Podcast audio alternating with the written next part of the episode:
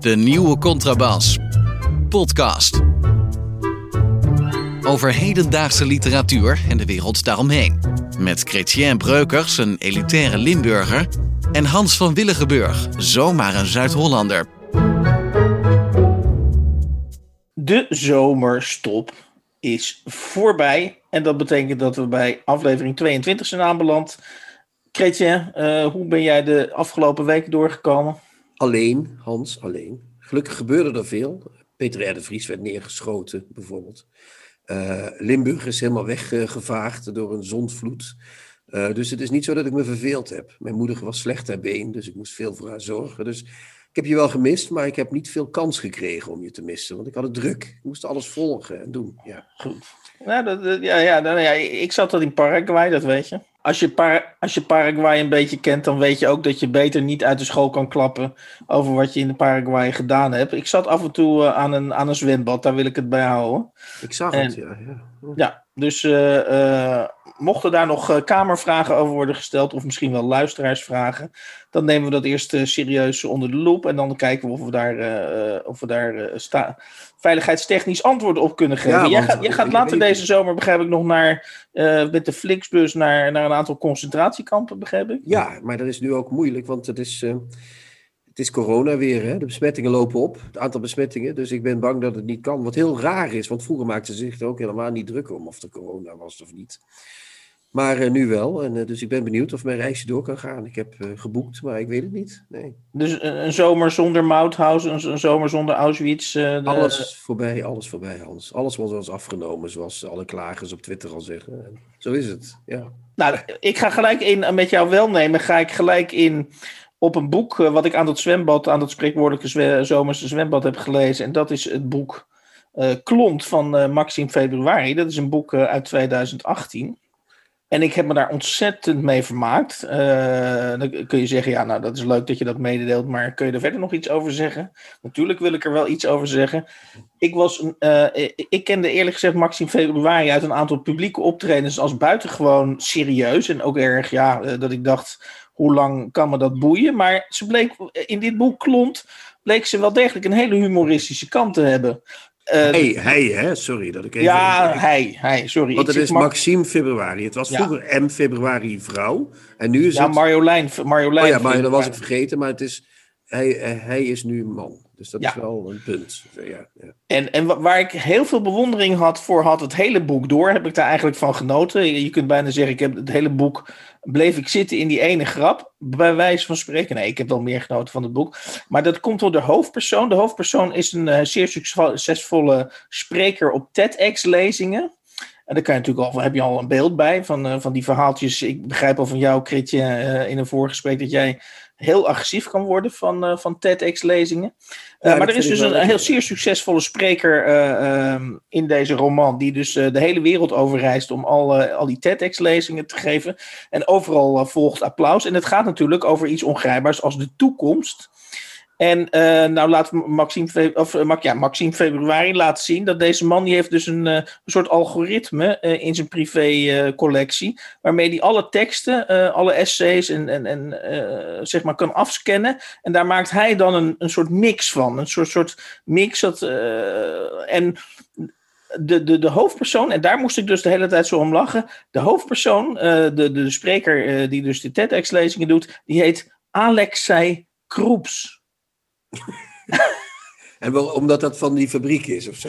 Nou ja, ik, ik had gelijk, ik weet niet of dat bewust is gedaan door Maxime Februari. Uh, maar je hebt natuurlijk dat kroepsapparaat, die blender, uh, uh, Alex. En, en ik had het echt het idee dat zij dus echt dacht van ja, hij, die, dat is dus de man die al die tekstfragmenten uit al die verschillende, ja, al die verschillende bronnen bij elkaar husselt. En dan een hele, hele slimme geile, uh, gladde TEDx-lezing daar bij elkaar. Uh, en, en, en wat er dus in dat boek gebeurt, dat kan ik wel verklappen, alvorens mensen um, dat boek gaan, uh, gaan lezen.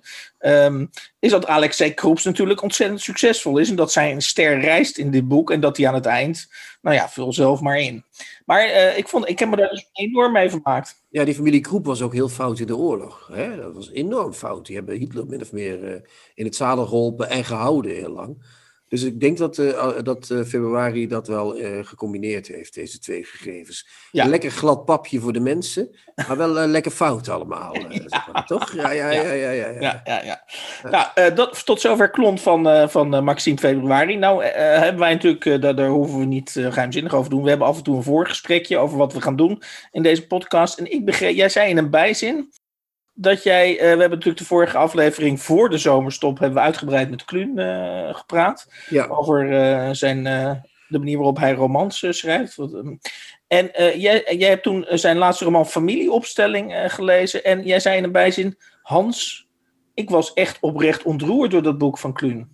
Sommige passages hebben mij zeer ontroerd. Maar dat was ook de reden waarom ik aan hem vroeg of hij niet uh, zijn uh, gewone uh, standaard kokkie verhaal los kon laten. En zich gewoon eens zou kunnen laten gaan als Kluun zijnde. Dat kan hij heel goed. Dan is hij echt in staat om je bij de lurven te pakken. En dat vind ik heel knap, vind ik dat. Dus daar heb ik echt... ja, ik vond dat ze... Die moeder liet hij ook Tilburgs praten. Wat in het begin denk je van, gadverdamme. Want het is nou niet de mooiste taal ter wereld, Tilburgs. Maar op een gegeven moment gaat dat heel goed werken. Dan, dan wordt dat heel ontroerend. Want die moeder is namelijk een beetje dement aan het worden. En dan dat in die uh, dialecttaal, wat hij doet en hoe hij dat dan zelf als zoon beleeft en beschrijft, dat kan hij ontzettend goed. Dat is echt fantastisch. Is dat, uh, ja. Oké, nou ja, ik denk dat uh, Kluun dat toch, uh, nou ja, laat ik het zo zeggen, uh, we hoeven daar ook niet geheimzinnig over te doen. Kluun is natuurlijk jarenlang afgeschilderd als een, als een reclameschrijvertje en, en, en, en eigenlijk een, een, Maar deels is hij dat ook, hè? In die boeken is het vaak zo, dat, dat stoer doen en dat grapjes maken, dwangmatig grapjes maken. Dat was ook een van de dingen waarom ik dat, een van de redenen waarom ik dat vroeg hij is zo. En als hij dat niet doet, kan hij ontzettend veel, blijkt ineens. Er zit een wereld achter. Die, die, misschien is hij er wel zelf bang voor, dat denk ik soms. Ja, zou kunnen. Uh, dan, ik weet niet of jij, eh, ik weet dat wij ook andere podcasts luisteren. Uh, uh, en dat heb ik ook in deze vakantie af en toe gedaan, niet de hele tijd natuurlijk. En mij viel op dat wij, ik in dit geval, en jij hebt er misschien soms ook last van, dat wij niet de enige zijn die het woordje eigenlijk uh, constant uh, gebruiken. Ik ben echt een groot, ver, uh, groot verbruiker, dat, dus dat boetekleed trek ik onmiddellijk aan. Maar je hoort onder andere bij Sander en onder, ik begreep ook bij Aaf en, en Jean-Marie. Marc-Marie. Marc, Marc sorry, Marc-Marie. Yeah. Dat die ook om de havenklap en ook zelfs Teun en Gijs, dat eigenlijk, dat is, dat, is, dat, is een soort, dat is een soort tijdsverschijnsel. Dat is een woord wat kennelijk ja, voor, min of meer automatisch voor je lippen komt. Ik denk dat het, ik heb zelf uh, het idee dat het komt omdat mensen, uh, dan zeggen ze iets, maar eigenlijk is het zus en zo. Dan weten ze het niet. Het is een soort nationaal stopwoord geworden, maar het is een, net alsof mensen eigenlijk, en dan begin ik zelf ook al, maar nu gebruik ik het correct, mensen twijfelen eigenlijk aan wat ze willen zeggen. Ja, en, en wat mij opvalt, ik zit dan naar de functie van dat eigenlijk te kijken. Ik, dat ik denk, waarom zeggen ze dat nou de hele tijd? En uh, een van de redenen volgens mij is dat, je het, is dat je bang bent dat je het niet origineel of iets te banaal formuleert. En dat je dan heel snel denkt: nee, dat kan mooier. Of dat dus eigenlijk. En dan komt er een, zeg maar een meer originele of een meer, meer bijzondere beschrijving. Dus het is eigenlijk jezelf opjutten om het, om het nog weer helderder, uh, aantrekkelijker te formuleren. Dat is het volgens mij. Ja, wat het ook is, eh, ik begrijp, ik kan het succes. Ja, het, Erik suggereert dat het zoiets is als ik bedoel, maar dat is het niet helemaal. Het is nog erger dan dat. Het zit, er zit ook een soort, ik denk dat het ook een soort onverschilligheid is. Het is heel lang eh, geleden, een jaar of 10, 12, nee, langer nog 15 jaar geleden. Een vriend van mij die zei altijd zeg maar. Dat was ook een tijdje een, een, een, een eh, die kwam ook voor. Die, is, die, die waart nog steeds rond hoor, uh, zeg maar. Maar, maar, de, eigenlijk is wel flink gestegen in, in verhouding tot de zeg maar. Maar de zeg maar, of zal ik maar zeggen. Hè? Dat was ook een tijdje een. Eh, zo gezegd, ja. Zo gezegd. Dat, dus dus dat, ik denk toch dat het. Ik ben bang dat we heel lang kunnen zoeken naar de kern ervan, maar dat het toch een soort slordig taalgebruik is. Dat maar in ieder geval hebben we de mogelijkheid geopend naar een hele nieuwe nationale uh, feestdag, namelijk of de, de verkiezing van, de, uh, van het stopwoord van het jaar. En daar zit eigenlijk, zou daar hoge ogen in kunnen gaan gooien. Ik denk Bestaat dat nog niet. Hoe is het mogelijk? Bestaat nog niet. Nee, we moeten Ton en Boon van, uh, van de Vandalen gaan bellen. Dat hij niet alleen het woord van het jaar. Wat trouwens wel. Weet je nog het jaar dat hij swaffelen had als woord van het jaar? dat hij de hele tijd op het journaal moest uitleggen wat dat was. had hij een hele mooie recensie, had hij een hele mooie definitie bedacht van het ter stimulatie uh, aantikken met het mannelijk lid van een bepaald, nou ja, dus, uh, hè, dus hij zei niet, je lult tegen iemand aanslaan en daar word je opgewonden van, maar dat was een heel, en het, je hoorde hem dat bij alle programma's zeggen, dat was fantastisch, was dat. Maar, en die dus dan moet hij nu, behalve het woord van het jaar, het stopwoord van het jaar gaan bedenken. Dat ja, stopwoord van het jaar. Lijkt, me, lijkt me een goed plan. We gaan Ton den Boon, we gaan Ton den Boon uitnodigen. Ja, maar dan kan hij dat ook in de trouwen een beetje leuk doen en zo. En dan, uh, ja, ja. het stopwoord van het jaar, ja. eigenlijk is nu al de winnaar. Dan moet eigenlijk alleen de verkiezingen er nog omheen verzinnen. Dat is het Ik begin al Vraag is alleen of het heel veel enthousiasme gaat, hè? het woord van het jaar. Maar goed, misschien is het stopwoord van het jaar ook wel heel... Uh, ja, gaan mensen daar ook uh, enthousiast op stemmen. Dan wilde ik even nog kort tot slot uh, uh, memoreren dat de grond, of de, ja, het begin van, van de nieuwe Contrabas podcast, is eigenlijk precies een jaar geleden is, dat, is die gelegd. Uh, of gelegd. Eigenlijk, het begin is gelegd. Het is niet heel mooi wat ik nu zeg, maar goed, doet er niet toe. Uh, ik herinner me in ieder geval dat we in, op, op het eiland in de Moldau uh, zaten. Ja, en ja dat we, zaten toen aan de boorden van de Moldau. Ja, die, die, ja. ja, en dat we toen voor het eerst de mogelijkheid van het maken van een literaire podcast hebben besproken. en ik heb nu al terstond heimwee naar het weer destijds. Het was schitterend weer in Praag. ik, had, ik heb ook eigenlijk Oeh, daar heb je het weer. Uh, heb ik uh, heimwee naar corona van toen. Want de corona van toen zorgde ervoor dat het lekker rustig was in Praag. Dus niet hoor, geen hordes toeristen. Dus heel rustig. Lekker aan, waren we aan het pimpelen op, een, op het eiland in de Moldau.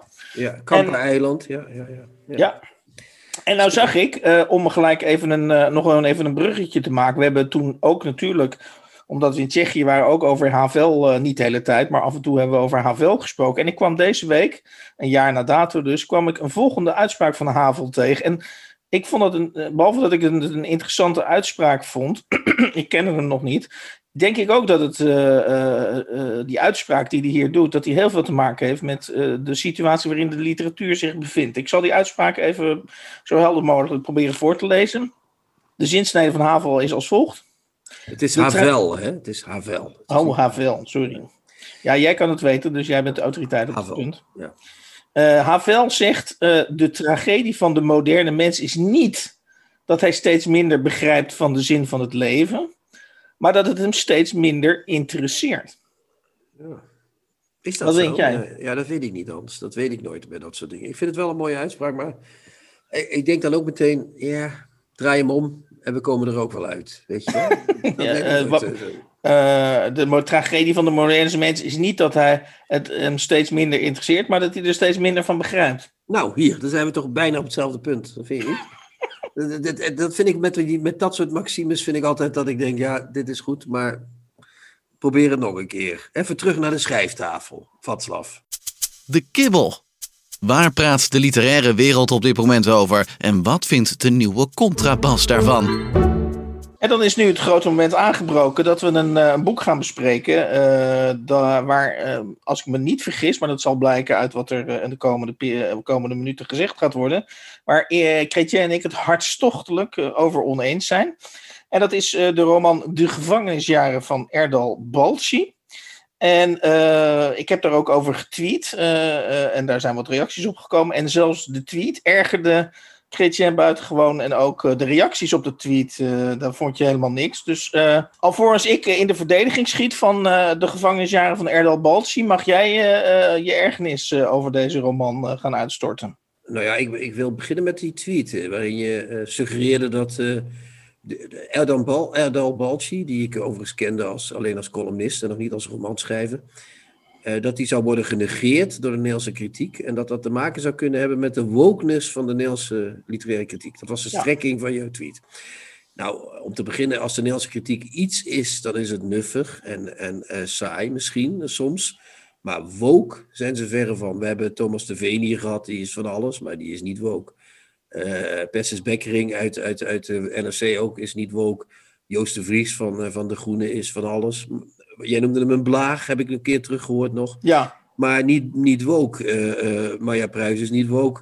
Bij de Volkskrant, voor zover daar nog critici rondlopen, daar zijn ze niet woke. die vrouw, die ene vrouw is de Wa- ex wanneer, wanneer, wat, moet je, wat, zelfs, moet je ja. doen als, wat moet je doen als criticus eh, voordat jij iemand woke eh, vindt? Eh, Ja, maar jij, jij, jij- woke gebruik je toch voor mensen die eh, zich eh, beroepen op een bepaalde ideologie waarin eh, alles gelijk en alles moet eh, op identiteit worden fijn gestem, afgestemd. En, en, Laat ik het zo zeggen, als je woke bent, dan zit je constant met, een agenda. Namelijk de agenda, eh, er moeten meer minderheidsgroepen eh, die eh, te onzichtbaar zijn, die moeten opge, opgestoten worden in de vaart der volkeren. Dat is klopt, woke. maar dat gebeurt in de Nederlandse literaire kritiek niet, want we hebben Lale Gül hebben we nooit besproken. We hebben het wel een paar keer over gehad. En die is wel eh, opgepikt, ook in de literaire kritiek. En die is daar niet eh, de grond in getimmerd en ook niet genegeerd. Ja, jij zegt Wel, opgepikt. hier wordt hij suggereert hier dat Balci om dezelfde reden wordt genegeerd. Namelijk dat hij iets zegt over de Turkse gemeenschap, wat, de Turkse geme- wat die mensen niet wel gevallig is. Terwijl de Lale Gül zegt precies hetzelfde over die gemeenschap.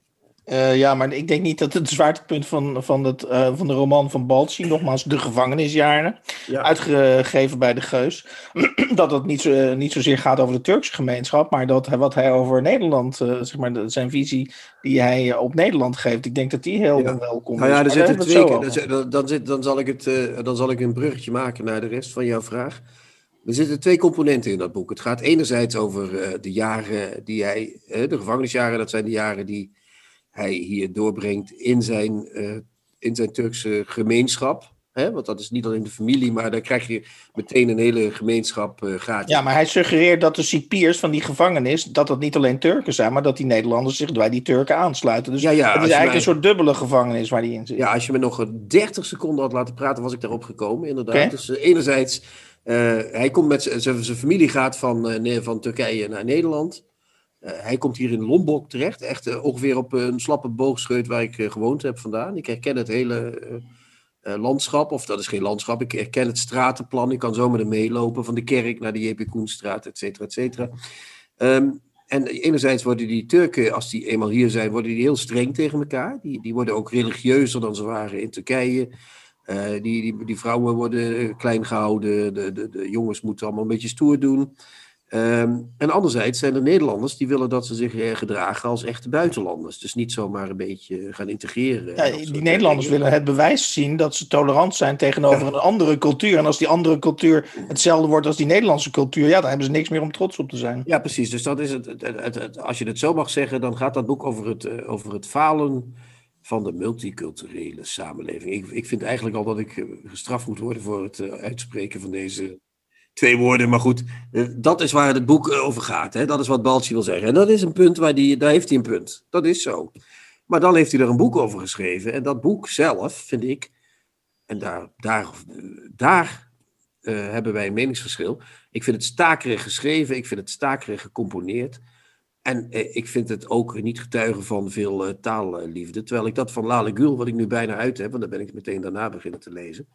Eh, dat vind ik veel origineler en dat vind ik veel leuker in elkaar zitten. Dus dat, ja. Ik ben het met het punt van hem eens, maar het boek wat hij eromheen heeft gecomponeerd. Ik vond de gevangenisjaren vooral de jaren die het mij gekost heeft om het boek te lezen, Hans. Sorry. Nou ja, ik ben het er dus niet mee eens. Eh, waarom niet? Ik, ik geloof dat ja, een van jouw boeken ooit door NRC is verweten. Dat was volgens mij jouw laatste boek. Dat er geen scènes eh, in zaten. Dat vond ik Nee. ook flauw. Ja, dat is Eh, het. maar eh, daar gaan we het natuurlijk verder niet over hebben, want dan wordt het allemaal te persoonlijk. Maar wat ik goed vind aan dit boek is dat de sfeer van dit boek, en, en inderdaad, ik ben het met je eens, het, is, het kan af en toe wel wat vlotter geschreven en origineler geschreven worden, ben ik helemaal met je eens. Maar de, de sfeer van dit boek, dat die, gaat me dus niet lang die gaat me dus niet snel verlaten. En dat vind ik wel een kwaliteit van dit boek. Als, als, als Theo Man, de, de vriend, annex voetballer, een van zijn vrienden, op het punt staat om ontdekt te worden door een scout van een, van een topclub. En eh, hij is door zijn familie eh, op dat moment ingeschakeld om, een, eh, om te, op te draven voor zijn voorgeprogrammeerde of voorgesorteerde bruid. Een gearrangeerd Oh, huwelijk. gearrangeerd geloof huwelijk. ik. Ja, ja, ja. En, en zijn vader dus zonder zich aan de vo- voetbalregels te storen, gewoon het veld opdraaft om hem naar dat huwelijk te slepen. Terwijl hij net op het punt staat om een soort jongensdroom waar te maken. Ja, dat vind ik, dat, dat gaat door, dat vind ik door merg en been gaan. En dan kan ik wel gaan zeuren over eh, stakerig geschreven. De, deels eh, kan ik me daarin vinden. Maar daar zitten dus scènes in die, die ja, hartverscheurend vind is natuurlijk een beetje cliché. Maar ik, vind dat echt, ik vind dat echt heel mooi. ja, die beklemming. vind ik heel mooi getroffen. Ja, ja, ja. Dat is ook dat is precies wat het is. Het zijn een aantal hele goede scènes die hij heeft. Maar dat, dat, dat, kijk, die recensent van de NRC vond dat ik helemaal geen scènes had. Wat ook zo is trouwens, want mijn hele boek bestond alleen uit, uit een soort droomachtige situaties. Dus ik had bijna geen scènes, dus dat klopte wel. Uh, maar hij heeft scènes waar hij dan weer geen boek van maakt. Dat is dan ook weer vervelend. En misschien uh, spreken mij scènes niet zo aan. Maar wat jij nu noemt, uh, dus die, die, die, die vader die op dat veld komt en die jongen in elkaar timmert. Ja, het is allemaal prachtig. Maar dan komt er daarna weer zo'n hele uitleg van Erdal. En die gaat er weer uitleggen hoe erg dat is. En dat hij daar ook heel erg onder lijdt. Ja. En dat hij dan vier jaar moet gaan schrijven voor bladen waarin hij de modelallochtoon ja. uithangt. En dan denk ik, ja, sorry Erdal, maar dat is, het is helemaal zo. Hij, is een enorme self-centered figuur. Die, die in dat boek uh, zichzelf uh, als een soort zielig. Hij vindt zichzelf eigenlijk wel redelijk zielig. Terwijl die, uh, dat zegt hij ook wel in dat boek, ook ondertussen een aantal mensen toch wel aardig verraadt en in de steek laat. Maar hij, hij, hij, hij doet wel. Ja, maar dat noemen, we, dat noemen we, dat noem ik dan, wat jij nu beschrijft, dat noem ik. Schrik niet. Ja. Dat noem ik eerlijk. Ik, ik vind het juist ongelooflijk verfrissend ja. dat hij zichzelf hier neerzet. ik neem aan bewust als het natuurlijk een heel, inderdaad, een, een, een egocentrisch, egocentrisch, absoluut. En uh, dus met andere woorden, hij, dat vind ik juist heel verfrissend, uh, dat hij geen enkele concessie doet of geen enkele aandrang voelt om zichzelf mooier voor te doen uh, dan die daadwerkelijk is. En dat vind ik juist een hele belangrijke functie van literatuur. Dat we dus ook met, ja, wat je zegt, afwijkende, onaangepaste mensen indringend te maken krijgen. Kijk alleen al naar het oeuvre van Louis Ferdinand Celine, hoef ik verder niks aan toe te voegen, neem ik aan. En uh, het, verbaast mij dus, Chrétien, uh, misschien zou ik moeten zeggen, het stelt mij teleur, dat jij uh, de, de, eventuele kwaliteit van het boek, dat je dus gaat wegen wat jij van, die figuur, van, van de figuur Balci vindt. Ja dat, ja, dat vind ik niet zo boeiend. Ik, van de hoofd van de romanfiguur Balci. Want ik ken de persoon Balci niet natuurlijk. Mm -hmm. Dus in deze, ik ga ervan uit dat hij zichzelf hier beschrijft. Maar dat is niet zo dat ik hem veroordeel. Dan moet hij zelf weten wat hij ja. doet. Maar ik, wat ik wel vind, je kunt het, kan je wat teleurstellen. Maar het zou oneerlijk zijn als ik dit boek nu ging wegen op uh, allochtone scènes. Dan zou ik een soort oneerlijke literatuurbeschouwing doen. Dan zou ik een soort. Uh, dan zou ik zeggen, nou ja, het is wel een uh, kutboek, maar het gaat wel over Turken. Dus daar gaan we wel even. Nee, nee, we gaan wel ons oordeel een beetje bijstellen. Nee, nee absoluut. Dus ik wil Balci ook als literator, want dat zo profileert hij zich ook. Het is een roman. En dan mag ik hem als literator. Uh, uh, hier bijvoorbeeld, dan heeft hij. Ik moet toch een voorbeeld noemen. Mag dat of niet? Ja, tuurlijk, heel graag. Ja. Dan gaat hij naar de school van journalistiek in Utrecht, denk ik. ga ik en dan gaat hij allemaal. dan, gaat hij, heeft hij allemaal, dan kan hij niet zo goed beginnen, want hij kan, de, kan de, de principes van het schrijven van een nieuwsartikel niet onder de, onder de knie krijgen. En dan gaat hij uitleggen. Ik vroeg. Uh, ja, dan zegt hij, was het een kwestie van gebrek aan intelligentie dat ik ondanks al mijn pogingen om een publicabel stukje te tikken keer op keer flopte? Of was het de oorzaak van mijn falen dat ik het verlangen naar het echte vertellen niet kon temmen? Om duidelijk te maken wat mijn probleem was met de wees en de haast. Dus de wie, wat, hoe, ja, weet je wel, ja. dat soort... Uh, ik heb eerder in het boek het voorval met de skinhead die een pistool tegen mijn hoofd drukte, terloops aangestipt. Ook een lelijke woordconstructie, Hans. Daarbij niet vergetend om de lezer de wees en de haas aan te reiken. Wat zegt die kranteninformatie over de dag dat ik oog in oog stond met die skinhead in de toiletruimte van het buurthuis in de Van Heutstraat? Ik wilde het verhaal vertellen zonder me te laten beperken door het journalistieke schabloon. Ja, dat is toch echt, ja, Hans, kom. We zitten Ja. hier toch niet op de kleuterschool, zeg.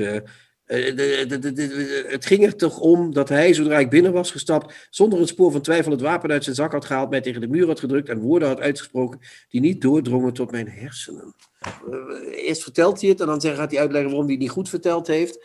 En dan gaat hij nog eens een keer, dan, en dan denk ik, ja kom op, dit heeft niks meer te maken. Dit, dit is bijna een soort snoeverij. Het is bijna een soort snoeverij wat je... Ja, je vindt hem gewoon onaangenaam. Hè? Dat mag. Dat, dat, dat, eh, nou, ik vind het figuur in het boek redelijk onaangenaam. eh, Ja, ja, nou, is dat mag in eh. mijn ogen dus nooit een reden zijn om een boek goed of slecht eh, te vinden. Kijk, ik heb ook helemaal Of nee, geen nee, nee, neiging- ja, nou wacht, ik moet dat toch even nuanceren. Ja. Ik vind het figuur onaangenaam en er zijn heel veel onaangename figuren waar ik met plezier eh, eh, naar kijk en luister. Maar dit is een onaangenaam figuur omdat hij, ondanks het feit dat hij denkt dat hij mensen de maat neemt, niet doorheeft hoe hij zelf is. En dat is wat mij dwars zit in dit boek. Oké, en dat weet jij wel. Ik weet het zelf, ik zou mezelf, van mezelf weet ik het zeker niet, maar in het boek kan ik het wel uh, beoordelen natuurlijk. Ja. Oké, nou, dan trek je een redelijk grote broek aan wat mij betreft. Dus jij zegt eigenlijk... Ik zeg dat ik mezelf... Balci, ik... door, Balci doorziet zichzelf niet uh, in dit boek. De, de figuur in het boek doorziet zichzelf niet, nee. Nee, oké. Okay. Uh, ik heb helemaal geen neiging uh, om, om zeg maar alle, alle scènes of al, alle onderdelen van het boek te willen verdedigen. Daar gaat het mij dus niet om. Ik heb al gezegd, de beklemming van dit boek en, en de manier waarop uh, de sfeer die, die Balci neerzet, die, die overtuigt mij uiteindelijk. Die trekt mij uiteindelijk dus ook helemaal aan het eind. Je moet wel even wat helemaal aan het eind, echt helemaal het boek in. En dan vind ik dus dat het ook mooi, dat er een soort mooie evocatie is. En mijn, mijn slotpleidooi voor dit boek is dat ik, ik, ik moest op een gegeven moment denken aan het boek het leven van een hond van Sander Kollaert, wat volgens mij in 2019 of 2020 de ACO Literatuurprijs heeft gewonnen. En uh, dat boek heb ik gelezen en toen dacht ik dus, oké, nou dit, dit is dus in Nederland, uh, uh, ja, dit is dus het oordeel van een literaire jury in Nederland, dat dit het beste boek is van, nou ik geloof 2019 uit mijn hoofd. En ik dacht, ik vind het ook een mooi boek, maar wat een zelfgenoegzaam boek over Nederland is dit. Oh, wat is het een fijn land en wat is het leuk dat je je hondje kan uitlaten. En wat is het leuk eigenlijk als je maar goed kijkt, dat je een baantje hebt en dat je dit bent. En ik heb het idee dat dat, dat, dat uh, heel erg gewild is in die, jury, uh, in die jury-sferen. Nederland moet voorgesteld worden als, een, uh, als eigenlijk toch wel een paradijs. En al die mensen die klagen, die moeten eigenlijk neergezet worden als, ja, dat zijn gewoon vervelende klagers. daar moeten... en, en, en ik vind dus eigenlijk dat zo'n boek van Balci op mij, maar dan praat ik strikt persoonlijk, maakt op mij oneindig veel meer indruk dan zo'n boek van Sander Kollaert, om maar zo te noemen. Ja, maar, maar, maar het, die, diezelfde prijs is ook gewonnen door uh, Alfred Burney, de tolk van Java. En ook door, uh, door, door jou zoveel uh, gewaardeerde Ilja Pfeiffer. Mm -hmm. Die, die met zijn boek oh, met dat over Genua, La Superba. Ja. dus dat zijn andere, weer heel ander soort boeken. Dus je kunt dat nu wel zeggen, maar dat is... Kijk, ik vind ook net, net als met dat woke-gedoe, ik vind die tegenstelling. Juries vinden Collard goed, dat zeg jij nu heel algemeen. Maar Collard wint een keer een prijs. En Collard kan die prijs best gewonnen hebben, omdat hij een compromiskandidaat was. Dat ze dachten van, uh, dat ze iemand anders wilden laten winnen. En dachten, nou, om er van het gezeik af te zijn, pakken we dat boek over die hond. Dan kan niemand zich een bult aanvallen, want zo gaan die dingen, Hans. Zo gaan ja, die ja, ja, ja. Adriaan, van, Adriaan van Dis heeft die prijs ooit gewonnen. Ik bedoel, hoe ver en hoe diep ja. willen we... Hè? Goed dus punt, is, uh, goed punt, goed punt. Dus dat, uh, we moeten uitkijken met boeken om, om daar meteen... Um, een boek is een boek. En een boek kan goed zijn en slecht zijn om allerlei redenen. Maar kan niet, uh, je kunt niet zeggen van. Uh, kijk, als de prijs.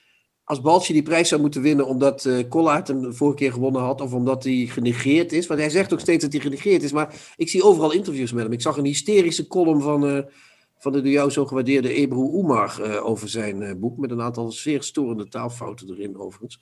En uh, die, die, die begon ineens van ja, maar hij wordt niet gezien omdat hij iets zegt wat mensen niet aangenaam is. En toen begon ze ineens, ja, Lale wordt wel gezien, maar dat is een jonge meid. En die, uh, die, uh, de problematiek is nog steeds hetzelfde, maar zij is jong en happening, maar haar boek is echt veel minder dan het van Erdal. En dan zegt ze in dezelfde column, ik heb het boek nog niet uit van die Lale Gül.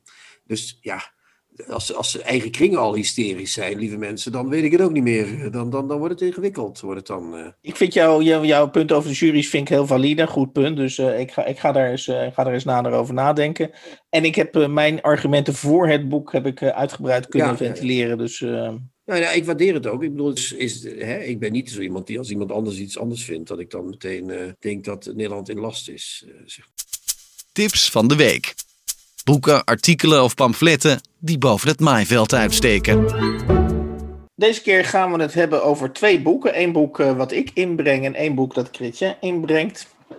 En uh, Chrétien zo, uh, zo beleefd als hij altijd is en we hem kennen, heeft hij mij voorrang verleend. En ik wil het dus graag gaan hebben. Ik heb tot op mijn vakantie in Paraguay met... ja, hoe zal ik dat nou weer zeggen? Hoe heb ik dat gelezen? het boek is van Ellen Dekwits. En het heet Olijven moet je leren lezen. En dan uh, is er natuurlijk ook nog een ondertitel. Het boek ligt hier. De ondertitel is Een cursus. Dan weten we eigenlijk al welke kant het op gaat. De, onder, de, de ondertitel is Een cursus genieten van poëzie. En ik moet eerlijk bekennen, want je kunt natuurlijk afvragen: waarom ga je überhaupt het boek lezen? Als je misschien al geniet van poëzie, waarom zou je dan nog een boek over het genieten van poëzie moeten lezen. Bovendien zijn uh, en ik natuurlijk tamelijk eigenwijs. Dus wij bepalen in principe zelf wel uh, of we wel of niet genieten van poëzie en hoe we genieten van poëzie. Maar ik moet toegeven dat ik een, een, een, soort kleine fascinatie voor de figuur Ellen Dekwits heb ontwikkeld. Omdat zij werkelijk op alle terreinen in de literatuur actief is. Natuurlijk als dichter, maar ook als presentator. Ze zit regelmatig aan een tafel, op televisie. en nou ja, goed, ze duikt overal op. En ik dacht van, ik ga dat eens lezen, dat boek van haar. En uh, wat je er ook verder over kan zeggen, uh, het boek is intussen al aan de negende druk toe. Dus je, mocht mijn oordeel negatief uitvallen, daar ga ik nog niks over zeggen. Dan kan Elle Dekwits altijd nog zeggen van leuk Hans dat jij dat of dat oordeel hebt. Maar die bundels voor jou, die verkopen toch een stuk minder goed dan die negende druk van... even kijken. olijven, olijven, moet, olijven moet je leren lezen. Ja, dat is waar. Maar dat is een machtsargument, hè? Daar doen we niet aan. Oké, oké. Goed, uh, wat vond ik van het boek? Ja, ik, ik, heb, ik heb me eigenlijk... Ont, uh, eigenlijk, heb je het weer, sorry, sorry, excuus, excuus. Uh, ik heb me enorm, ja, is dat vermaakt... Ik moest lachen om de inventiviteit waarmee Ellen Dekwits net doet... alsof poëzie onderdeel is van het dagelijks leven. Laten we eerlijk zijn poëzie uh, in, de, in de zin van hè, uh, uh, regels op, een, op, op papier, afgebroken regels. Dat is natuurlijk maar van een heel klein percentage van Nederland is dat onderdeel van hun dagelijks leven. Dus dat is eigenlijk gewoon onzin. Alleen, zij doet net alsof, als je maar een klein beetje je best doet, je kent dat wel in Nederland, een beetje een laag instapniveau, dat je dan, dat je dan heel makkelijk toch bij die poëzie kunt komen. En het zou mij niet verbazen als ze door de boekhandel of de poëzieuitgeverij, of in ieder geval een soort lobby, is aangezet om dit boek überhaupt te schrijven. Want uh, ja, die, die, die verkoop van die dichtbundels, dat loopt natuurlijk uh, volgens mij niet echt uh, gesmeerd. Dus propaganda voor poëzie is natuurlijk altijd welkom. Chrétien, dat is, dat is toch zo? Nou, dat weet ik niet, Hans. Ik ben eigenlijk ja, ik ben een van die weinige mensen in Nederland die leeft met poëzie. In die zin dat voor mij uh, lezen van gedichten een dagelijkse kost is, uh, als ik dat mag zeggen. -huh. Nu iets minder dan vroeger misschien, maar toch nog altijd ga, lees ik heel veel gedichten. En ik denk ook vaak, bij situaties schieten me vaak citaten uit gedichten te binnen. Dus dan denk ik ineens aan een gedicht. Dus ik, ik leef echt met die poëzie, dat is wel zo. Wat, wat je wel merkt is dat die, dat, die, dat, die, dat die promotie van poëzie, zoals Ellen Dekwits die bedrijft, die is vooral goed voor de negende druk van dat Olijven moet je leren lezen boekje. En niet zozeer voor die dichtbundels die zij ja. natuurlijk. Dus je kunt je afvragen, is pro poëziepromotie is net als boekenpromotie. Uh, vaak uh, alleen maar bedoeld ter, uh, ze, ze hebben zogenaamd een edel doel. Namelijk het promoten van de poëzie of het boek. En in wezen is het niks meer dan kruidenierderij uh, om uh, een paar boekjes extra, in de poging een aantal boekjes extra uit de winkel te krijgen. En heeft het met echte liefde voor het, uh, voor het genre of met het, voor het vak weinig te maken, okay, Nou ja, tot, tot zover het strenge, misschien toch rechtvaardig oordeel of, of de vermoedens van, ja toch? Ik bedoel... Um, maar waar ik ontzettend dus om moest lachen is dat de Dekwits is zo lekker bezig. Ze vindt zichzelf zo lekker bezig in het boek. En ik denk dat ze zo lekker op weg was om al die poëzie, uh, uh, om mensen daarbij te betrekken, is dat ze op een gegeven moment op een aantal punten, en ik, ik, ik heb dat genoteerd, dat vind ik heel erg leuk, om dan uh, inderdaad een beetje te gaan strepen in zo'n boek. Uh, dat je denkt, ja, maar in godsnaam, wat staat daar nu eigenlijk? Ze is nu zo, ze is nu zo lekker bezig met het promoten van de poëzie, is dat ze echt onzin begint, uh, begint uit te slaan. Nou, ik heb er een voorbeeld van, uh, hoe zij dus zinnen aan elkaar begint te lassen, dat je echt denkt van waar gaat het over? Nou, om te beginnen, voor in het boek zegt ze dan op een gegeven moment in een van de hoofdstukken, ze behandelt in principe per hoofdstuk een gedicht, en dan zegt, of dan schrijft Ellen Deck iets op een gegeven moment, let op, gemiddeld schrijft een dichter 50 versies van één gedicht. Ja, ja dat, dat zal voor sommige dichters ongetwijfeld opgaan. Maar ik, het is een hele rare zin dat je 50, dat je denkt, is hier onderzoek naar gedaan? Zijn er, is, is, er een, is er een wereldwijd onderzoek naar... Ik bedoel, het is, het is, het is een waanzinnige uitspraak. Het slaat nergens ja, op. Maar ik was een vrij precieze dichter toen ik nog gedichten schreef. Maar 50 versies zeg, dat kan ik me niet herinneren hoor. Ik zat zwaar onder het gemiddelde, denk ja, ik. en, en, en dan, oké, okay, dus dan ben ik zeg maar, bekomen van de verbazing over die zin. En dan zegt ze in de volgende zin, let op, want het blijkt dan toch wel een soort functie te hebben. In de tekst zijn altijd, let op het woord altijd, in de tekst zijn altijd aanwijzingen voor de betekenis te vinden, komma. Anders zou je net zo goed een plak kaas kunnen interpreteren. Nou, dat is, dat is wel grappig dat ze dat zegt. Want eh, we hebben laatst, eh, voor, de, voor, de, voor de zomerpauze had je een gedicht van uh, Arjen Duinken. Met alleen maar opsommingen. Hè? Bloem, tafel, Ja. spiegel, weet ik veel, ik weet niet meer uit mijn hoofd. Ja, Uit die bundel catalogus, volgens mij. als Zeker. is. En ehm, ja, dat zijn opsommingen. En daar kun je wel betekenis aan hechten. Maar de aanwijzingen voor betekenis zitten niet in het gedicht zelf. Dus als zij zegt altijd, dan is dat niet waar, vrees ik. Dus ik, we Nee. hebben hier te maken met een poëziepopulist, Hans, ben ik bang, of niet? Ja, vind ik wel een mooi woord. Dat neem ik onmiddellijk over. Poëzie, populist. Eh, en dan, dus met andere woorden, ja, zij last. Dus, dus ze, ze wordt op een gegeven moment is ze zo enthousiast dat ze echt onzin. Ik durf dit echt onzin te noemen. Eh, gemiddeld schrijft een dichter 50 versies van één gedicht.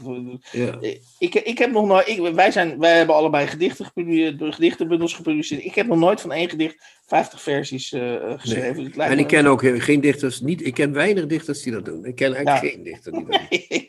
Het is, is, en, en ja, terwijl je- en het, het, het erge is dat je beseft dat de, dat de iets minder geïnteresseerde lezer, die leest hier gewoon overheen. En die, die zegt zo zomaar op een verjaardag, nou ik heb laatst nog Ellen Dekwits gelezen. En daar las ik dus dat een dichter eh, 50 versies van één gedicht schrijft. Ja, maar, dat, is- krijg- ja, maar dat, dat zeg je wel goed, want wat, wat je dan krijgt is dus dat die boekjes over...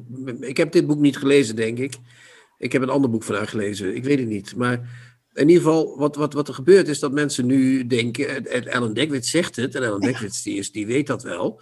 Die, zegt dus, die maakt poëzie een soort malle appie eh, gedoe.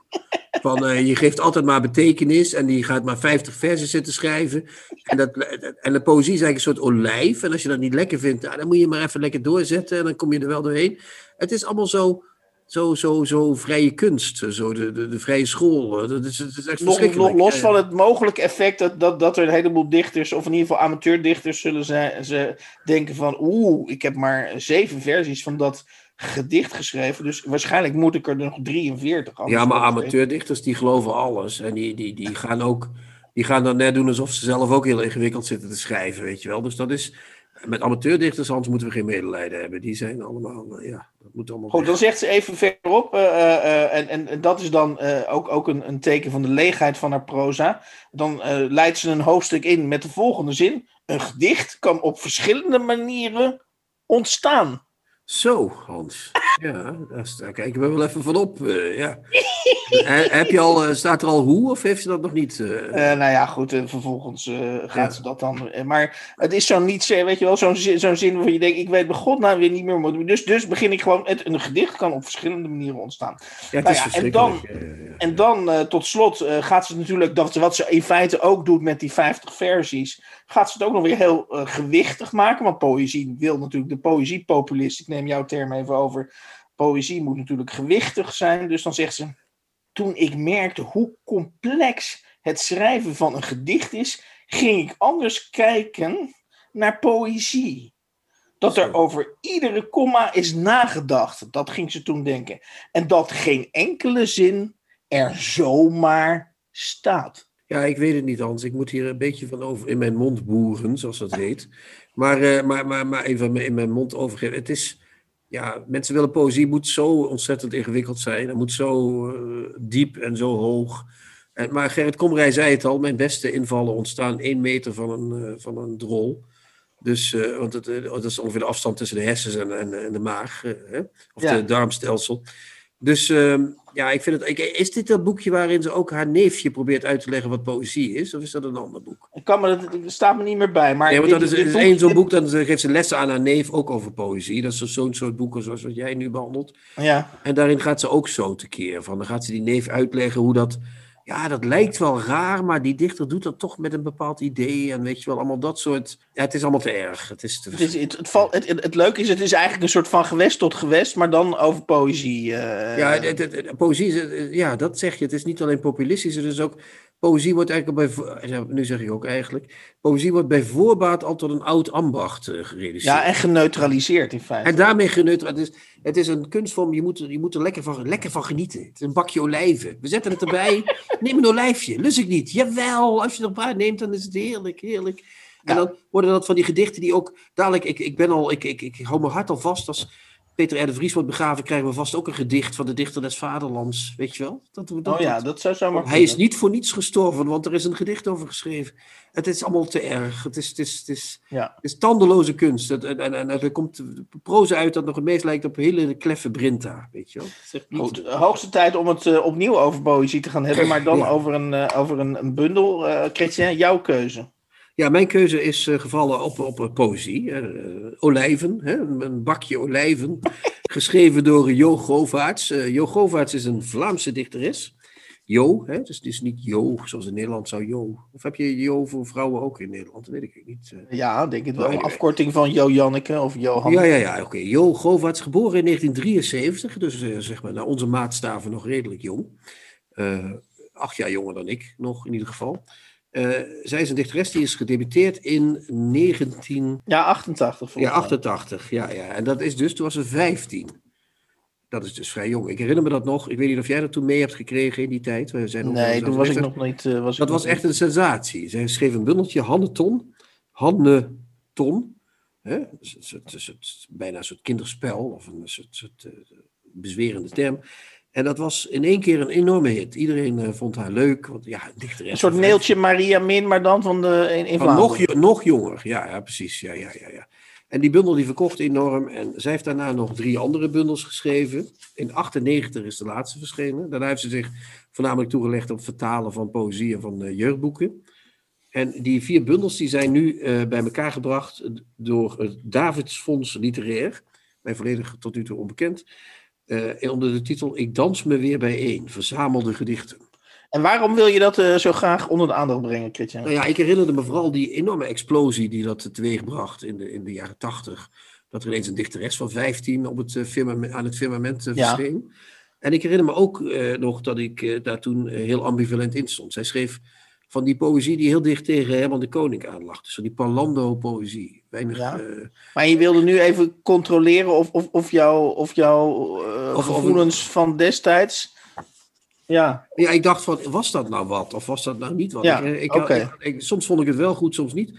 En nu zat ik er doorheen te, te, te, te, te bladeren en uh, heb het helemaal gelezen inmiddels. Of althans, zoals je, ja, ik lees poëzie niet van links naar rechts. Ik, ik, mm -hmm. ik, ik, ga er een tijdje, leg ik het naast me neer en dan begin ik er wat in te lezen, soms en soms niet. Maar wat is jouw oordeel over het wonderkind uh, Jo Govaerts, maar dan 30 jaar of nog meer dan 30 jaar later? Nou, dat het wel echt wel degelijk een wonderkind was. Uh, ja, dat het echt beter is dan ik toen uh, vermoedde. Dus, Lees eens een gedicht voor. Hup, ja, ik zit te zoeken naar dat prachtige gedicht wat ik uh, daar had ik natuurlijk een briefje bij moeten leggen. Hè? Zo gaan die dingen. Maar die gedichten hebben dus geen namen of die hebben geen titels. Dus nee, ja, nee, het zijn altijd titeloze gedichten. Dus je moet echt heel erg. Uh... Ja, je moet dus wel. Uh... Ik heb gelijk uh, paginanummers. Ik heb, gewoon, ik heb gewoon een. ik pak willekeurig gedicht. Ik lig naast je in ons grote bed, waarvoor we lang hebben gespaard. Ik luister naar je vertrouwde ademen. Morgen ga ik met je trouwen. Mijn jurk hangt klaar, jouw pak ligt klaar. De kinderen gingen vroeg naar bed en zullen ons zeker wakker maken. Morgen gaan we trouwen. Ik ken je snurken, jij mijn slapeloos luisteren naar al wat s'nachts ademt in ons huis. We gaan voor nog veel goede en kwade dagen, dat weten we al wel. Toch gaan we morgen trouwen. Daarom gaan we morgen trouwen. Morgen ga ik met jou trouwen en jij gaat trouwen met mij. Ik vind het een aardig gedicht. Misschien is het niet meteen uh, de nieuwe Shakespeare, maar dat, uh, nou ja, ik vind het vooral die wanhoop, bijna die wanhopige uh, herhaling op het laatst. Hè, van dat trouwen, we zullen, we zullen godverdomme gaan trouwen, weet je wel. We maken, er, we maken niet zomaar, we gaan niet een beetje trouwen, maar we gaan er tegen, ze hebben al kinderen dus, maar wij, wij gaan trouwen, weet je wel. Bijna wanhopig aan elkaar willen ver, verbinden, zeg maar. Dat vond ik mooi. Okay. Dat, ja ik heb dus ook Jo Govaert op jouw, uh, op jouw uh, uh, advies ben ik dus ook gaan lezen. En ik was, het is precies wat je zegt. Het is, het is inderdaad een beetje parlando-achtige poëzie. Mm. Maar ze, ze, wat, wat, wat dan toch jammer is in mijn ogen, en ik weet dat jij daar ook een beetje um, allergisch voor bent, is dan toch de woordspeling of de woordgrap. En dan ga ik nu even een kort gedicht voorlezen. En ik verklap dus al, alvast dat er dus aan het einde een soort woordspeling zit. En dan mag u bepalen of dat een fijne woordspeling is, of dat het eigenlijk dus uh, dat gedicht een beetje omlaag haalt. Nou, Chrétien, hou je vast. Ja. Uh, het gebeurt wel eens dat we beiden lachen in de aaneengeregen uren van onze telefoongesprekken. Een glimlach lijkt wat vaag, maar samen schateren langs kilometers draad doet me wel wat. Voelen van een goed verbonden zijn. Ja, ja, ik, ja oké, ik snap het. Dat is niet. Uh, laten we zeggen, hè, Shakespeare heeft ook niet alleen maar Hamlet geschreven. Hè? Die heeft ook wel eens een keer. Wat is, een stukje ertussen, die liet ook wel eens een steekje van. Nee, dat vind ik niet mooi. Nee, dat is waar. Dat is een, dat is een woordspel. En dat is jammer, want ze bouwt het heel mooi op, dit gedicht. Uh, dat is, dat is inderdaad jammer. Uh, en er was nog geen telefoon, zegt Erik nu. En dan heb ik ook nog een stukje natuurlyriek. Ja. Nou, nou doet de ironische dus voordat ik nu straks twee gedichten heb voorgelezen uit deze bundel. En jij één. Terwijl ik jij heb er nog wel eentje, dat was einde. Dan, dat komt goed. dit vond ik namelijk wel mooi. Dit is, vind ik toch wel mooie natuurlyriek. Er waait wind door mijn longen, zoals nooit een golven voortjoeg over zee. Vreemde lucht draagt verten mee. Er valt regen in mijn hoofd, water van overal heen, maar nergens blijven. Vluchtig nat drupt in mij neer. Er hangt mist voor mijn ogen. Stapelwolken kloppen aan. Ja, ja dat, zie je, dat kan ze dus echt heel goed. Ze kan een stemming neerzetten en het wordt nooit... Uh vervelend. Of het wordt niet, en, het, en het heeft altijd toch dat. Ze is heel erg geïnspireerd geweest door Simborska, die ze vertaald heeft. Ze ja. heeft onze poëzie vertaald. En dat zie je er ook wel in terug, hè, vind ik. Het, het, het goede... En de enige, eh, ik moet een beetje, ik weet niet, jij mag er misschien nog een punt achter zetten, maar ik moet een beetje in mineur eindigen, want dat boek eindigt met een, met een interview met haar, wat zo ontiegelijk oninteressant is. Uh, uh, namelijk, ja, wanneer is ze gaan dichten en toen en toen droeg ze de eerste gedicht voor. En toen won ze een wedstrijd, zoals je dat in Vlaanderen hebt. Er zijn eindeloos veel gedichten. Ja, ja, ja. Poëziewedstrijden. En dan werd ze een keer tweede. Dat is heel belangrijk voor de annalen om, om te weten dat uh, Jo Govaert in haar jonge jaren ook een keer tweede werd bij een, uh, bij een, bij een poëziewedstrijd. Kortom, ik snap werkelijk niet. Laat die gedichten gewoon lekker floreren. En, en dat, dat interview vind ik echt helemaal niks. Ja, ik denk dat ze er een beetje context wilden geven. Maar dat is inderdaad enigszins. Ja, het was een beetje in de plank misgeslagen, hè, dat interview. Ja. Net zoals het voorwoord ook aardig en welwillend is. Misschien had de uitgever het idee: we moeten er een voorwoord van Mout van Howard in uh, Jensen.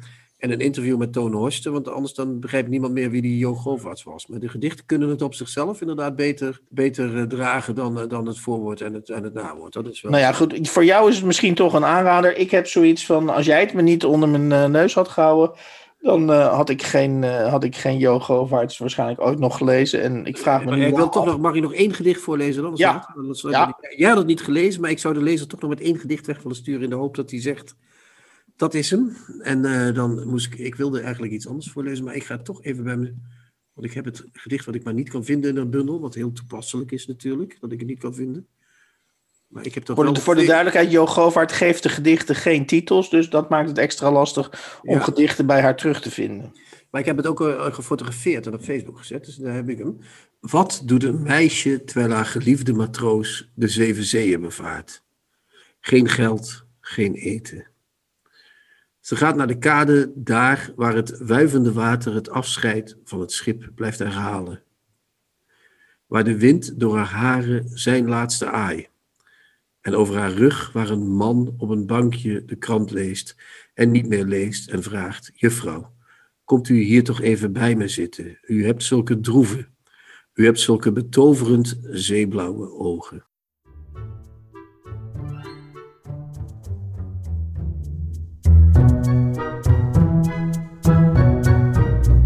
De nieuwe Contrabas. Podcast.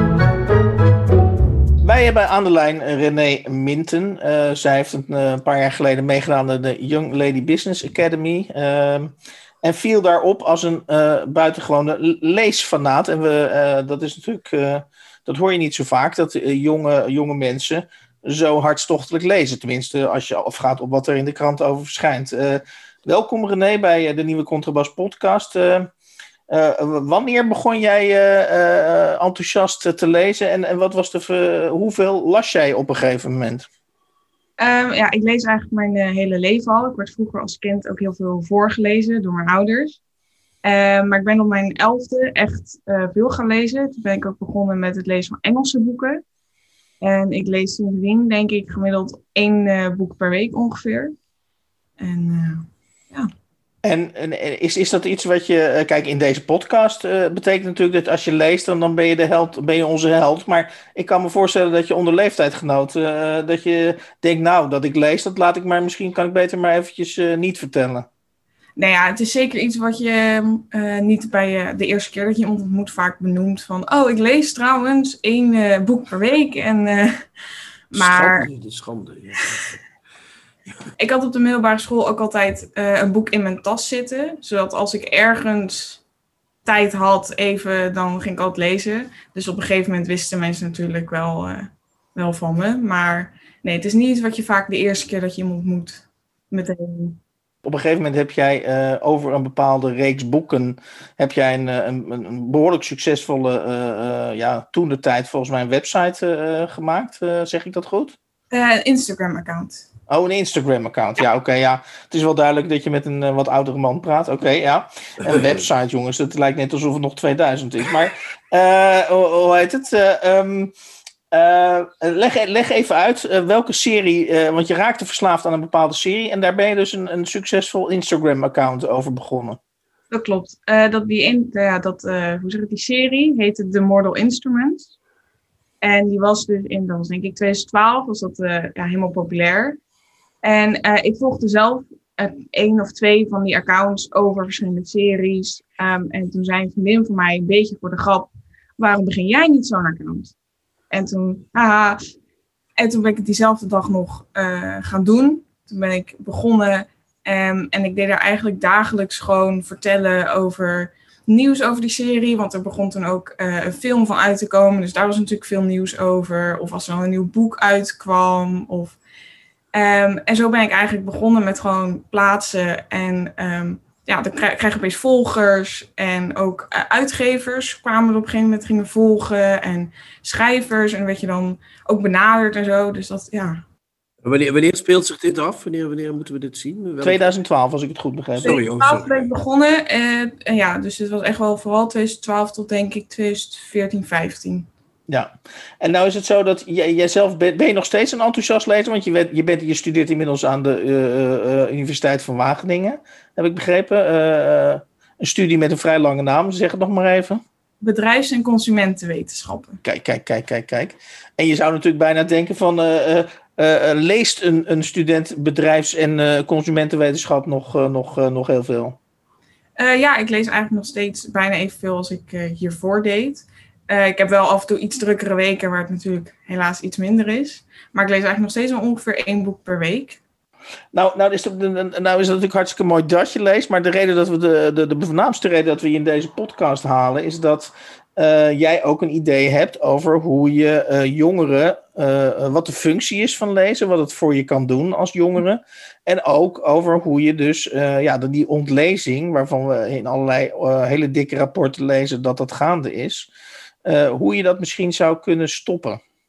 Um, nou ja, ik denk zelf dat uh, het probleem ligt bij dat uh, zodra je op de middelbare school komt, wordt opeens heel veel lezen, wordt echt verplicht. Um, en je moet ook redelijk specifieke boeken lezen. En um, ik merkte zelf ook dat ik dat ook heel moeilijk vond. En ik lees heel graag.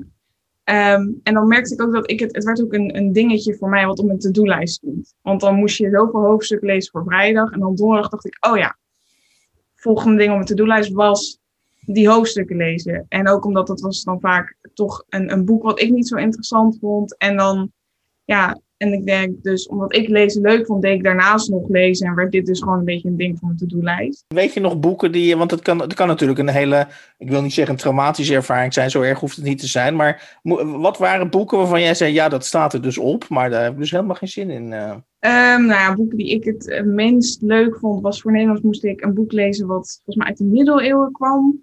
En uit die tijd, en toen ook nog een boek wat voor 1900 was geschreven. Nou, dat waren echt. Ik kwam er gewoon, ja, kwam er gewoon niet doorheen. En ja, dat, zeg maar die. Um, en ook, uh, je moet natuurlijk veel uh, literaire boeken lezen. En ik heb er wel een paar gevonden die ik heel leuk vond. Alleen, ja, het was wel een hele specifieke lijst waar je uit moest kiezen. En ik vond het wel heel lastig gewoon, ja, om daarna net een boek eind te vinden waarvan ik dacht, oh ja, dat vind ik interessant. Wat vond je dan interessant? Eh, als ik weet je dat nog? Ehm, ik, heb twee, ik heb een boek, De Tweeling heb ik gelezen. En een boek, Post voor mevrouw Bromley heette die volgens mij. En dat ging over de Eerste Wereldoorlog en die andere ging over de Tweede Wereldoorlog. Uh, ik vind geschiedenis ook heel interessant. Ehm, en daarom was dat wel, toen ik hoorde dat het over geschiedenis ging, en dacht ik, oké, dat vind ik interessant. Dus daar, die boeken ga ik lezen. Uh, maar dat zijn wel de twee boeken die het meest ja, bijgebleven zijn. Nou stuur jij natuurlijk aan dat, dat, dat, uh, op het feit dat jij dus eigenlijk zegt van ga in ieder geval een aantal boeken of meer boeken uh, vrijgeven. In de zin, schrijf die niet voor. Want voor je het weet, en jij was dus een enthousiaste lezer, maar jij zegt, als ik het goed begrijp, zelfs ik, mijn lust tot lezen verging bijna door die verplichte, verplichte boeken. Dus jou, jouw pleidooi is, uh, doe daar wat minder van, toch? Ja. Maar mag ik dan advocaat van de duivel spelen even? Je moet ook voor iets, om iets goed te leren doen, hè? Uh, als je wiskunde wil leren, moet je leren cijferen, moet je leren mm -hmm. rekenen. En als je wil leren lezen, moet je ook soms dingen lezen die misschien niet meer meteen met jou uh, in jouw aandachtsveld liggen, maar die wel, uh, ja, als je de literatuur wil leren kennen, moet je ook weten hoe dat ooit begonnen is in die middeleeuwen, toen, uh, toen Karel mm -hmm. en de Elegast en Marieke van Nimwegen werden geschreven, of de Multatuli van Max Havelaar, dat vreselijke boek, inderdaad, ben ik met je eens. Maar goed, dat, dat, dat zei je trouwens niet, maar stel dat je dat vreselijk zou vinden, zou ik het met je eens zijn. Maar als je, die, dat moet, je moet ook om iets te leren kennen, moeite doen. Ik denk dat bij lezen het misschien ook wel het vals. Ik vind, het zit een beetje tussenin. Um, ook omdat ik denk dat lezen Um, ook echt een, een positieve hobby kan zijn. Terwijl, ja, ik zie mensen misschien niet zo snel wiskunde als hobby. Ik, doe, ik vind het heel leuk op de school, maar ik ga het niet thuis als hobby doen. Um, en daarom bijvoorbeeld uh, leek het mij al een goed idee. Volgens mij moest ik twaalf boeken voor mijn lijst lezen. Om er dan bijvoorbeeld zes echt meer dat verplicht te maken. Dus dat je zegt van je moet één boek. En dat je zes meer een soort vrij geeft. Dus dat je zegt van je moet zes boeken lezen die jij interessant vindt. Zo krijg je mensen nog wel steeds aan het lezen. En dat het iets, ja. Ja, ja dat is interessant. Dat zou kunnen. Dat is ook iets wat, wat tegenwoordig wel naartoe gewerkt wordt. Ik heb, ik heb ja. trouwens nog één vraag over het begin van het gesprek. Je zei op mijn elfde, en toen begon ja. ik ook Engelse boeken te lezen. Toen dacht ik, hela, die was te vroeg bij, of niet? Ja. Of krijg je tegenwoordig op je tien al Engels of zo? Of is dat, uh, heb ik iets gemist? Uh, ja. Nee, ik kreeg wel, ik ben denk ik in groep 8 kreeg ik voor het eerst Engels op school. Okay. Um, maar wat bij mij eigenlijk de reden was, ik, ben, ik las natuurlijk eerst Nederlands. En er was een serie. En dat deel 2 eindigde met een grootste cliffhanger. En deel 3 was alleen uit in het Engels. Ah. En dan moest je een jaar wachten op het Nederlandse deel. En ik dacht, ik heb Engelse series gezien. Ik denk dat ik wel een beetje wat begrijp. Ik pak een woordenboek erbij. En ik ga het zo doen. Zo heb je dus moeite gedaan om het te leren. Hè? Om even weer de advocaat van de duivel. Ja, hier, worden, hier worden wij heel erg blij van. Ja, ja. En nou, nou, even, even nog één volgende stap maken, René. Jij zegt dus, uh, als ik het goed begrijp. Uh, lezen is niet alleen ontwikkeling en plezier, maar uh, het is ook een, een, soort, een vorm van concentratie die de gezondheid, geestelijke gezondheid van jongeren, zeg maar beter beschermd, zou je kunnen zeggen. Uh, en dat is ook een aspect waarvan, waarvan jij zegt, in godsnaam, uh, blijf, blijf jongeren, wat ze ook lezen, aan het lezen houden. Ja, ik denk, er is ook redelijk wat onderzoek naar gedaan, dat uh, lezen gewoon heel goed is om je ge geest jong te houden en om zo toch je geest ook goed te blijven gebruiken. Um, ook dat het heel goed is tegen stress, dus een goede manier om te relaxen. Uh, wat tegenwoordig natuurlijk ook met, want je hoort heel veel meer over burn-out en dat soort dingen.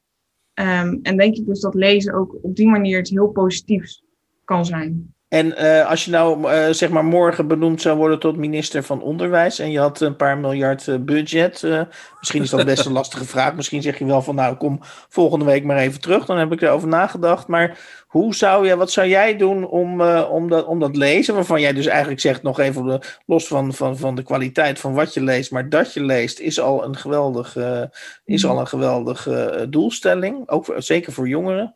Wat zou jij doen? Ja, ik denk dat ja, een van de eerste dingen is misschien toch ook meer een soort een onderzoek starten naar waarom, waarom mensen bijvoorbeeld die boeken niet leuk en niet leuk vinden. Maar ook um, welke boeken mensen van mijn leeftijd of jongeren dus op de middelbare school, welke boeken ze wel graag lezen. En mm-hmm. echt te gaan kijken van, oké, okay, als je wel een boek moet lezen, wat zou je dan willen lezen? Maar denk je niet dat dat al gedaan wordt, dat laatste? Ik denk het wel. Ik weet ook dat bij mij op de middelbare school één docent daar ooit mee is begonnen. Maar ik weet ook dat daar toen niet echt mee doorgezet is. Dus ik denk dat dat een begin zou zijn. Ja, ik vind het heel ingewikkeld hoe je dat.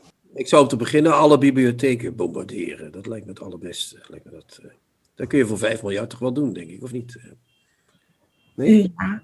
Want die kopen steeds minder boeken, dus die moeten allemaal hop, weg. En dan de rest van het geld gebruiken om iets leuks op te zetten. Nee? Ben ik nou te serieus? Of is er iets niet goed? Nou, sorry. Ja, we knippen het eruit, merk ik al. We zijn, we zijn We knippen het flabbergasted. eruit, merk ik al. We zijn flabbergasted, Kreetje. hè? Eh, het woord bibliotheek en bombarderen in één zin. Daar zijn we even van in verwarring. Ik vind bibliotheken soms echt erger dan hoerenkasten, als ik eerlijk moet zijn. Eh, Maar goed, dat is weer wat anders. eh, Dat is, eh, maar anyway. Ik had, nog een hele, ja, ik had nog een hele serieuze vraag, namelijk wat lees je nu op dit moment? Ja, wat, geef ons, eh, wat was het laatste boek waar je diep van onder de indruk was? Dat zijn twee vragen. Wat lees je nu en wat was het laatste? Ja. Ehm, het laatste boek waar ik diep van onder de indruk was. Ehm, een boek dat heet ja, We Are the Ends. Vond ik een heel indrukwekkend boek. En Waar gaat dat, waar gaat dat over? Ehm, ja, het gaat over een- een jongen. En, het is, ehm, en die wordt eens in de zoveel tijd ontvoerd door aliens. Dat klinkt heel.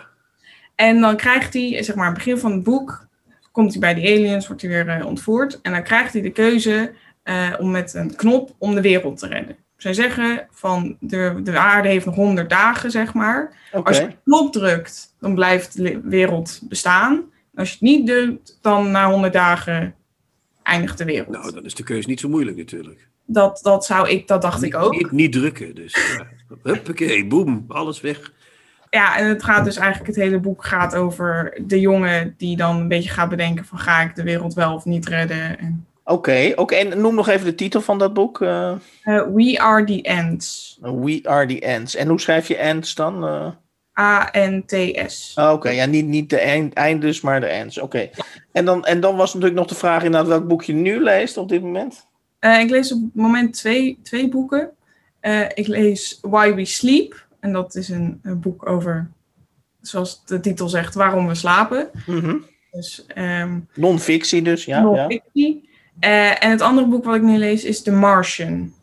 Ik weet niet of jullie ooit de, de film hebben gezien, maar Ik, ik schud nee, maar ik Ik moet ben, ik, van, eh, ik, ik, ik- vanaf Close Encounters of the Third Kind ben ik niet meer zo thuis in de, in de ma- machtsmalletjes, denk ik dat het zijn. Maar eh, ja. nee, niet gezien, sorry. Nee. oké. Nou ja. Vertel eens iets erover, wat is het? eh? Eh, The Martian, dat gaat over een man die naar, naar Mars gaat, zeg maar. Allemaal een als groep astronauten. En dan ehm, komen ze in een soort storm terecht op Mars. Oh, is dat En niet op Netflix ook? Ja, of niet? Zou best kunnen, volgens mij. Ja, Ja, zou best kunnen. Daar is een stukje van gezien. Oké, ja. En dan wordt hij eh, wordt eigenlijk in die zandstorm, denken ze dat hij doodgaat, en, maar hij overleeft het. En dan wordt hij dus achtergelaten op Mars. En ehm, dan moet hij met heel door slim zijn, zeg maar, gaan bedenken hoe die ja, weer terug naar de aarde komt en het overleeft. Nou, eh, het lijkt mij een heel goed. Wordt, dus, zoals je waarschijnlijk eh, weet, wordt op dit moment een nieuw kabinet eh, geformeerd. Daar doen ze trouwens heel lang over, dus nog tijd zat. Maar ik, ik zou, ik zou denken van, misschien moet de nieuwe minister van Onderwijs, die moet jou gewoon even als, als tijdelijk adviseur of als permanent adviseur inhuren.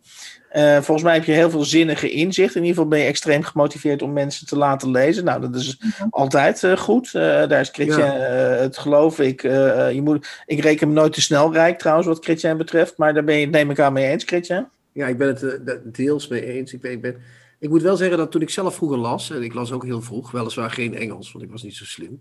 Maar dat ik, ik merkte dat er zelfs op het VWO waar ik zat, werd er weinig gelezen door, door, Nee. door medeleerlingen. Dus ik, was, ik maak me geen illusies over het resultaat wat het eh, zal eh, opleveren.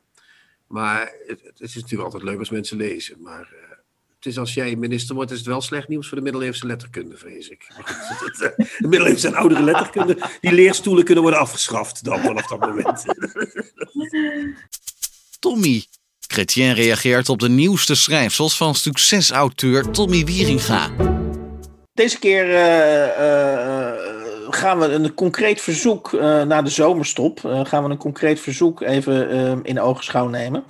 Eh, een van onze enthousiaste luisteraars, Alek Dabrowski, was toen zum Toden betrübt dat wij een zomerstop inlasten. Want hij, is een, hij is een fan van de, deze rubriek, de Tommy. En hij had zich verheugd op wat Chrétien zou, als commentaar zou geven op de aanval van Tommy, vier weken, drie à vier weken geleden dus, in de NRC op de al of niet gewaardeerde collega Abdelkader Benali. Dus met andere woorden, Chrétien, uh, hoewel we dus wat laat zijn en, we, en, en de maaltijd misschien een klein beetje al gegeten is, ga jij nog even terug in de tijd en ga jij die column van Tommy Wieringa eens even onder de loep leggen. Ja, het is een, een, een fijn verzoek van Alek Dabrowski, recensent bij A-Water. Het minst opruiende blad van Nederland, dat nu ineens van mij opruiende talen verwacht. Het, de wonderen zijn de wereld nog niet uit. Uh, het is een column van uh, Tommy uit, uh, van 19 juni, dus al, inmiddels alweer even geleden. Maar toch, het is een fijne column, dus ik ben eigenlijk wel dankbaar dat hij mij dat heeft gevraagd. Want het is een column waarin Tommy probeert een bitchfight te ontketenen. En die bitchfight die gaat tussen hem en Abdelkader Benali. Ik moet even een klein beetje context geven, mag dat? Ja. ja. Het gaat er, hij begint zijn column. Hè. Tommy begint nooit rechtstreeks. Tommy heeft altijd een kleine natuureingang nodig. Hij begint altijd met een omweggetje. Hij glijdt er niet recht door in, maar hij moet altijd even opzij uh, wat prutsen en doen. Uh, hij, hij, heeft het over een optreden in een Rotterdamse school, waarin hij uh, met Abdelkader Benali is en Kader Abdollah. Je kent hem wel, hè? De, ja, die Iraanse, ja. De besnorde, bescheiden man uit Iran, die boeken schrijft, schijnt. Ik heb ze nooit gelezen. Uh, maar daar hebben ze een discussie met de scholieren over Turks fruit, de roman van Jan Wolkers. Dat meisje vindt het een uh, boek van, van en door een vrouwenhater die zijn meisje slaat. En dat vindt ze helemaal verschrikkelijk. En dan Kader Abdollah verdedigt Wolkers dan een beetje. En Abdelkader Benali zweeg, staat er dan helemaal apart, als aparte alinea. Nou ja, dat gaat dan nog een tijdje zo door. En dan gaat hij dat helemaal verdedigen, dat dat toch een mooi boek is, dat Turks fruit. Ik vind er zelf ook niks aan, maar goed. Uh, en dan komt de. Ja, Tom, even voor de duidelijkheid, Tommy verdedigt de Turks fruit. Ja, ja. Tommy verdedigt Turks fruit, ja, ja. En dan een week later zegt hij in zijn trouwkolom: reageerde Abdelkader Benadi een week later wel op onze ontmoeting met de scholieren. Kader Abdullah en ik waren vol in de aanval gegaan, en dan citaat Benali, om de mannelijke eer te redden, schreef hij. Uh, opnieuw citaat uh, van Benali. Het enige wat ik dacht was: niet doen, jongens, luister naar haar. Heeft ze een punt, vraag ik me af. Hebben we als generatie iets gemist? Vereenzelvigen we ons te veel met die stoere, witte ik-verteller? Dus Abdelkader is uh, denk ik wel een beetje woke, als ik dat zo meekrijg. Me maar goed, dan zegt hij: interessante vragen, dude. Als je ze had gesteld. Maar Benali bewaarde ze voor zijn stukje, zonder daarin overigens maar het begin van een antwoord te formuleren.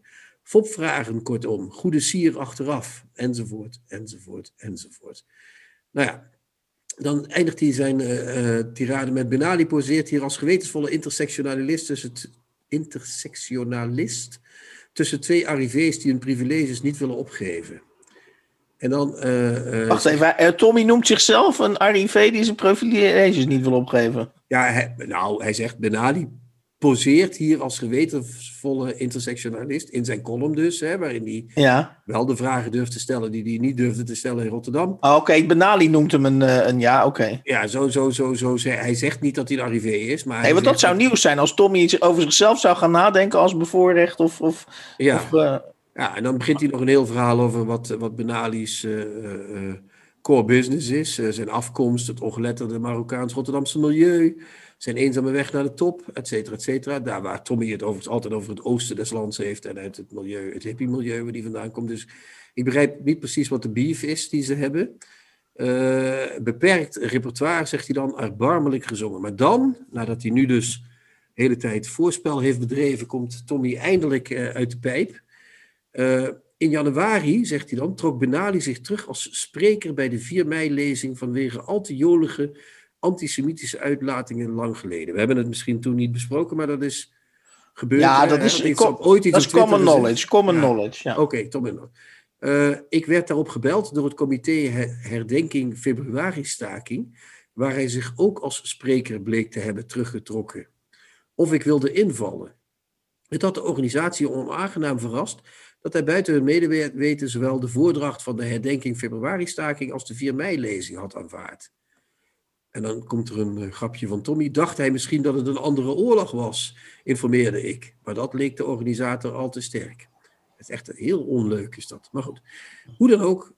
blijkt uit Benali's 4 mei-lezing dat hij eigenlijk al onvoldoende materiaal had voor één verhaal, zodat hij de omstandigheden dankbaar mag zijn dat we ze wijzer waren dan hij. En wat Tommy hier eigenlijk zegt, ik heb het even nagezocht, hij heeft die februari... Eigenlijk, eigenlijk hè? Ja, en wat hij, wat hij in wezen, Hans, zegt Tommy hier, sorry, ehm, zegt hij hier, ehm, eh, want ik heb het even nagezocht, hij heeft die februari-lezing niet gehouden. Die is gehouden door Geert Mak. Dat is zeg maar, als ze Tommy niet kunnen krijgen, dan gaan ze dus blijkbaar naar Geert Mak. Ja. Uh, maar, maar, maar Tommy die noemt ook nog die 4 mei-lezing even. En we hebben Tommy al leren kennen als iemand met een Joodse echtgenoot. Iets wat hij graag en veel uh, mag... Uh, het oude volk ja. is hem zeer genegen sinds hij daarin ingehuwelijkt is. en dus hij zegt hier niet zozeer dat hij... Hij wil even laten merken dat de comité's hem bellen als, als, als er wordt ja. afgezegd. Hè, dat is één. Maar het tweede is dat hij toch ook wel onna, niet heel erg onnadrukkelijk solliciteert naar die 4 mei-lezing. Van lieve mensen, wanneer uh, Roxanne van Ieper allemaal leuk en aardig, dat staat er niet. Maar dat bedoelt hij wel. Maar wanneer komt er nou eens het echte werk? Wanneer komt... Uh, oh, oh, ja, die is goed. Ja, dus Oké, okay, dus het is een die hele kolom is een verkapte sollicitatie. Hij zit de hele tijd met die vaseline in Benali, maar hij bedoelt eigenlijk... ja, en hier is eigenlijk correct gebruikt. Hij bedoelt dat hij ik moet, ik, Tommy, niet Benali met zijn antisemitische praatjes. Ik ben getrouwd met een Joodse vrouw en ik, nog word ik niet op 4 mei gevraagd. En André van Duin is al geweest, weet je wel. Maar ik ben nog steeds niet geweest. Nou, dat kan toch niet, mensen. Geert Mak staat bij dat februaribeeld. Want Tommy wacht totdat 4 mei komt. En dan nou, wat we dan gaan meemaken durf ik niet te zeggen. Maar dat wordt, dat wordt, ik hoop dat we dan nog een podcast hebben, Hans. Want dan, uh, dan maken we er een special van.